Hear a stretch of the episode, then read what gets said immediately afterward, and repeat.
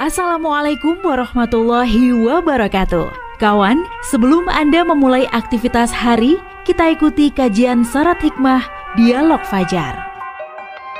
Assalamualaikum warahmatullahi wabarakatuh Alhamdulillah kawan ketemu lagi Saya Fitriana Ayu yang pagi hari ini bersama Anda di program Dialog Fajar Semoga Anda pun dalam keadaan sehat ya Terutama yang berkendara selalu fokus Karena kalau tidak fokus ini perlu dipertanyakan Apakah dalam keadaan yang kurang sehat? Nah Tapi kalau zaman sekarang tidak hanya sehat fisik ya, mental pun juga harus tangguh, harus sehat ya. Seperti yang kita akan bahas pagi hari ini bersama Ustadz Umar Jaini, pimpinan pesantren Al-Quran Nurul Falah Surabaya. Assalamualaikum Ustadz Umar. Waalaikumsalam warahmatullahi wabarakatuh. Masya Allah, jawabannya ini tangguh sekali. Sehat ya Ustadz ya? Alhamdulillah, doa kita bersama. iya Ustadz, kenapa juga ya Ustadz ya kita itu harus uh, ada keharusan gitu, mental kita itu tangguh gitu. Nah, itu juga dimulai dengan uh, seperti apa Ustadz kepada Allah Subhanahu Wa Taala. Monggo selengkapnya mm -mm. bersama Ustadz Umar Jaini. Terima kasih. Assalamualaikum warahmatullahi wabarakatuh. Waalaikumsalam warahmatullahi Alhamdulillah asyhadu an la ilaha illallah wa asyhadu anna Muhammadan abduhu wa rasuluh. Allahumma salli wa sallim ala habibika sayyidina Muhammad wa ala alihi wa sahbihi ajma'in amma ba'du.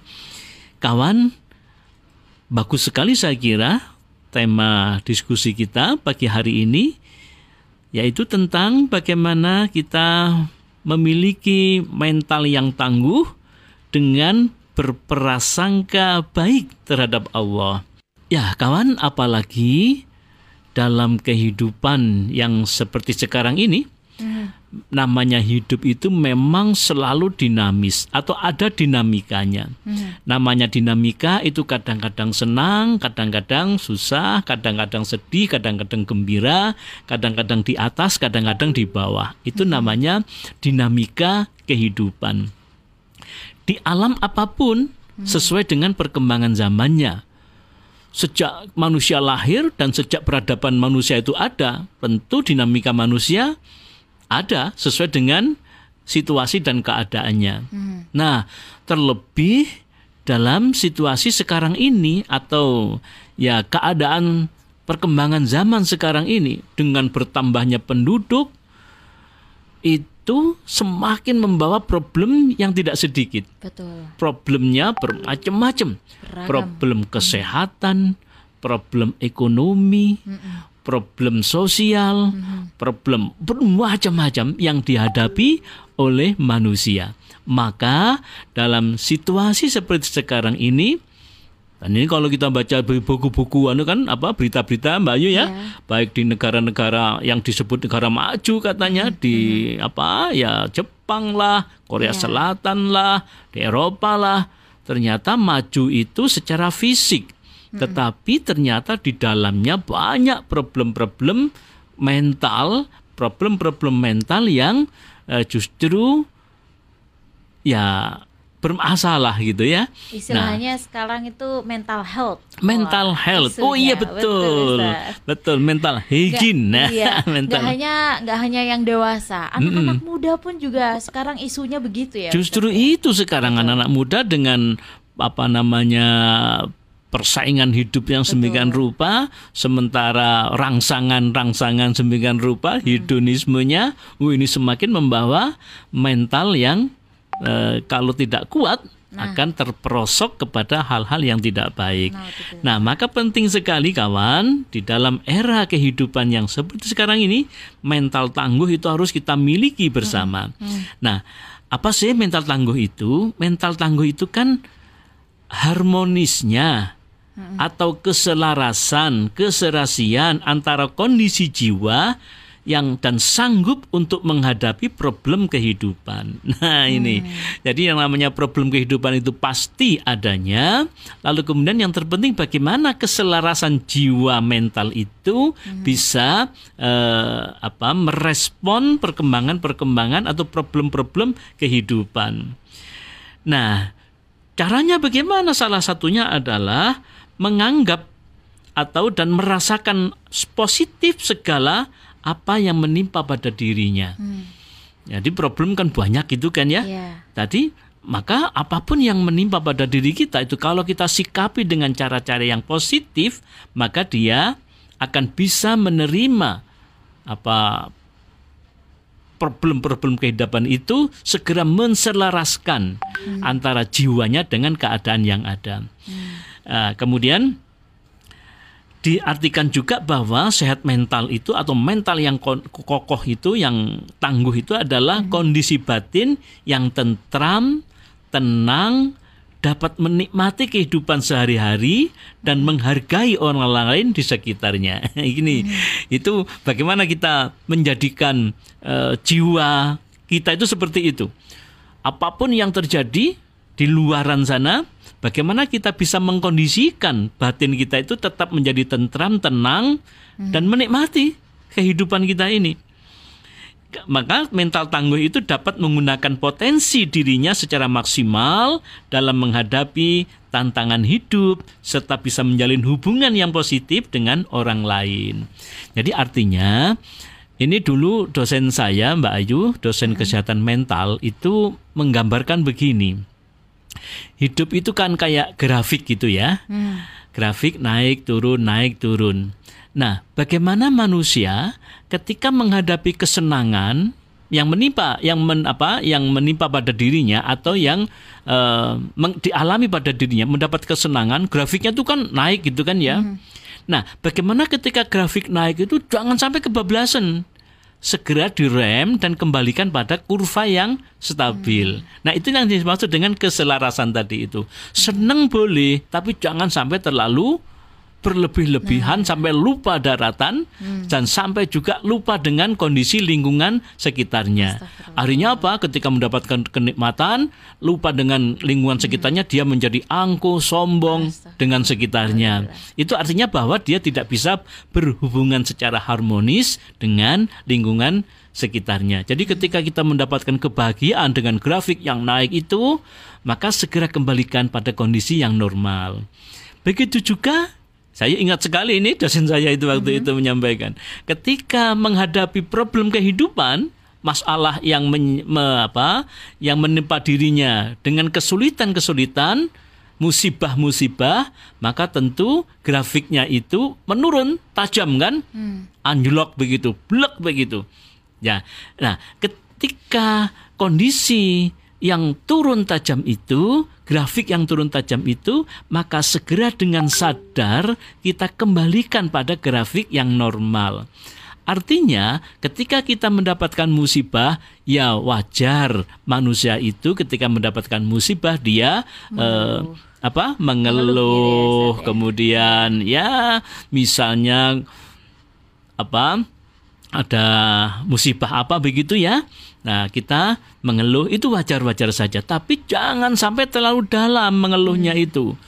Ada yang sampai kemudian membatasi diri, mengurung dirinya sehingga sampai deng, apa tidak berkomunikasi dengan masyarakat sekitarnya, dengan saudaranya wis gak ngereken, dengan ibunya nggak ngereken, dengan eh, apalagi dengan masyarakat sekitarnya nggak ngereken. Nah, itu dia apa tidak mampu mengharmoniskan eh, kondisi mental jiwanya itu. Jadi ketika mendapatkan musibah ya tentu itu ada apa kepedihan kesedihan tapi kesedihan itu jangan sampai eh, grafiknya turun terus kemudian eh, segera lambat laun disejajarkan malahan kata dosen saya itu kalau orang mendapatkan musibah kok kemudian tertawa-tawa itu malah nggak nggak sehat katanya. Nah, gila ya memang iya ini gila gimana Harusnya. ini Iya, harusnya Iya. sedih sama dia betul. tertawa. musibah kan macam-macam ya Iya. musibah macam-macam.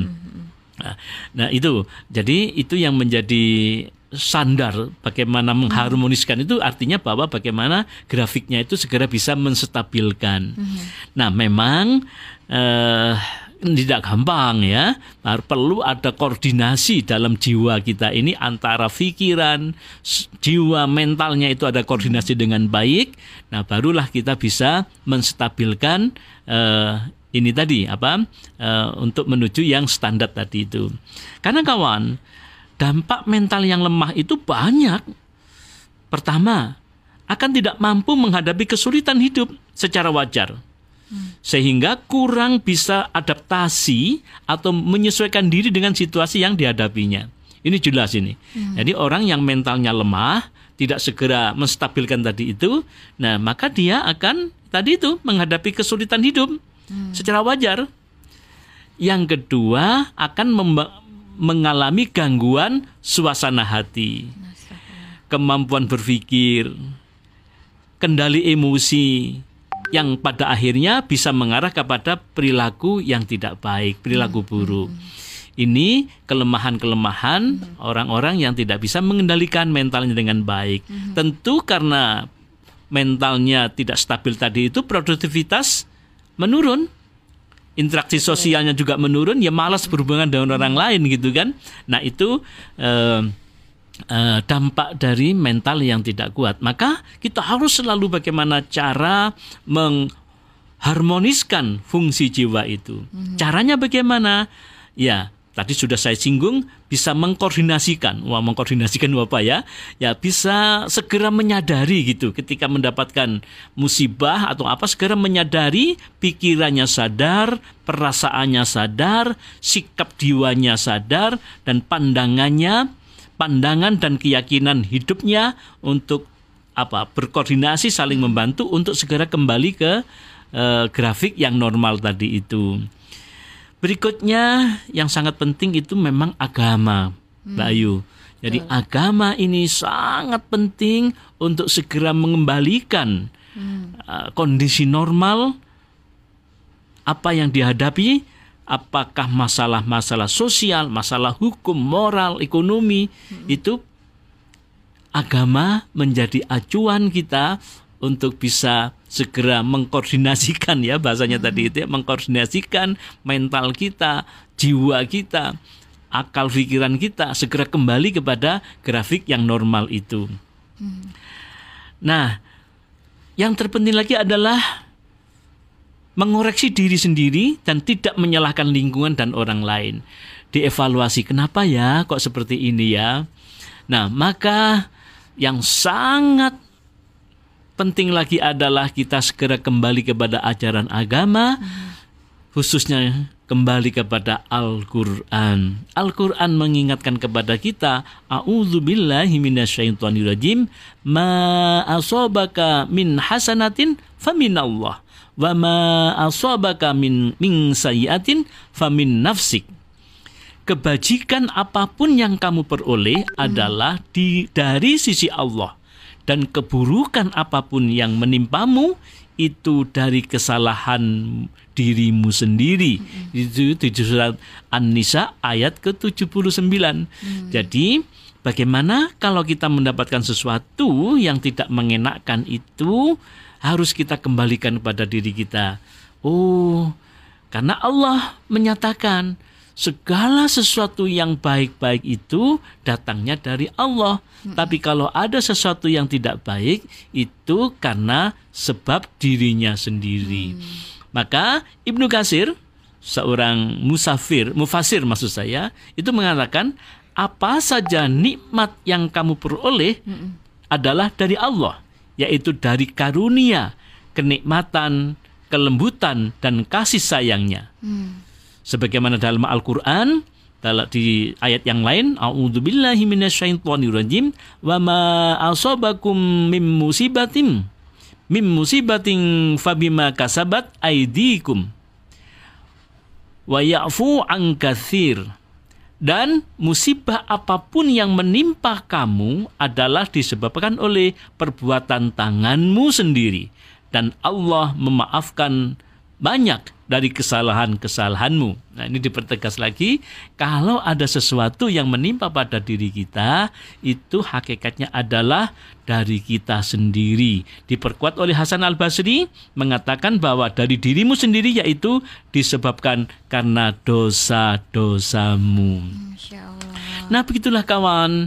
Maka bagaimana kita membangun mental yang tangguh dengan berprasangka baik kepada Allah bahwa segala sesuatu yang menimpa pada diri kita, apakah hal-hal yang menyenangkan, at, menggembirakan, ataupun hmm. hal-hal hmm. yang menyedihkan, hakikatnya adalah yang baik dari Allah, yang tidak baik dari diri kita sendiri.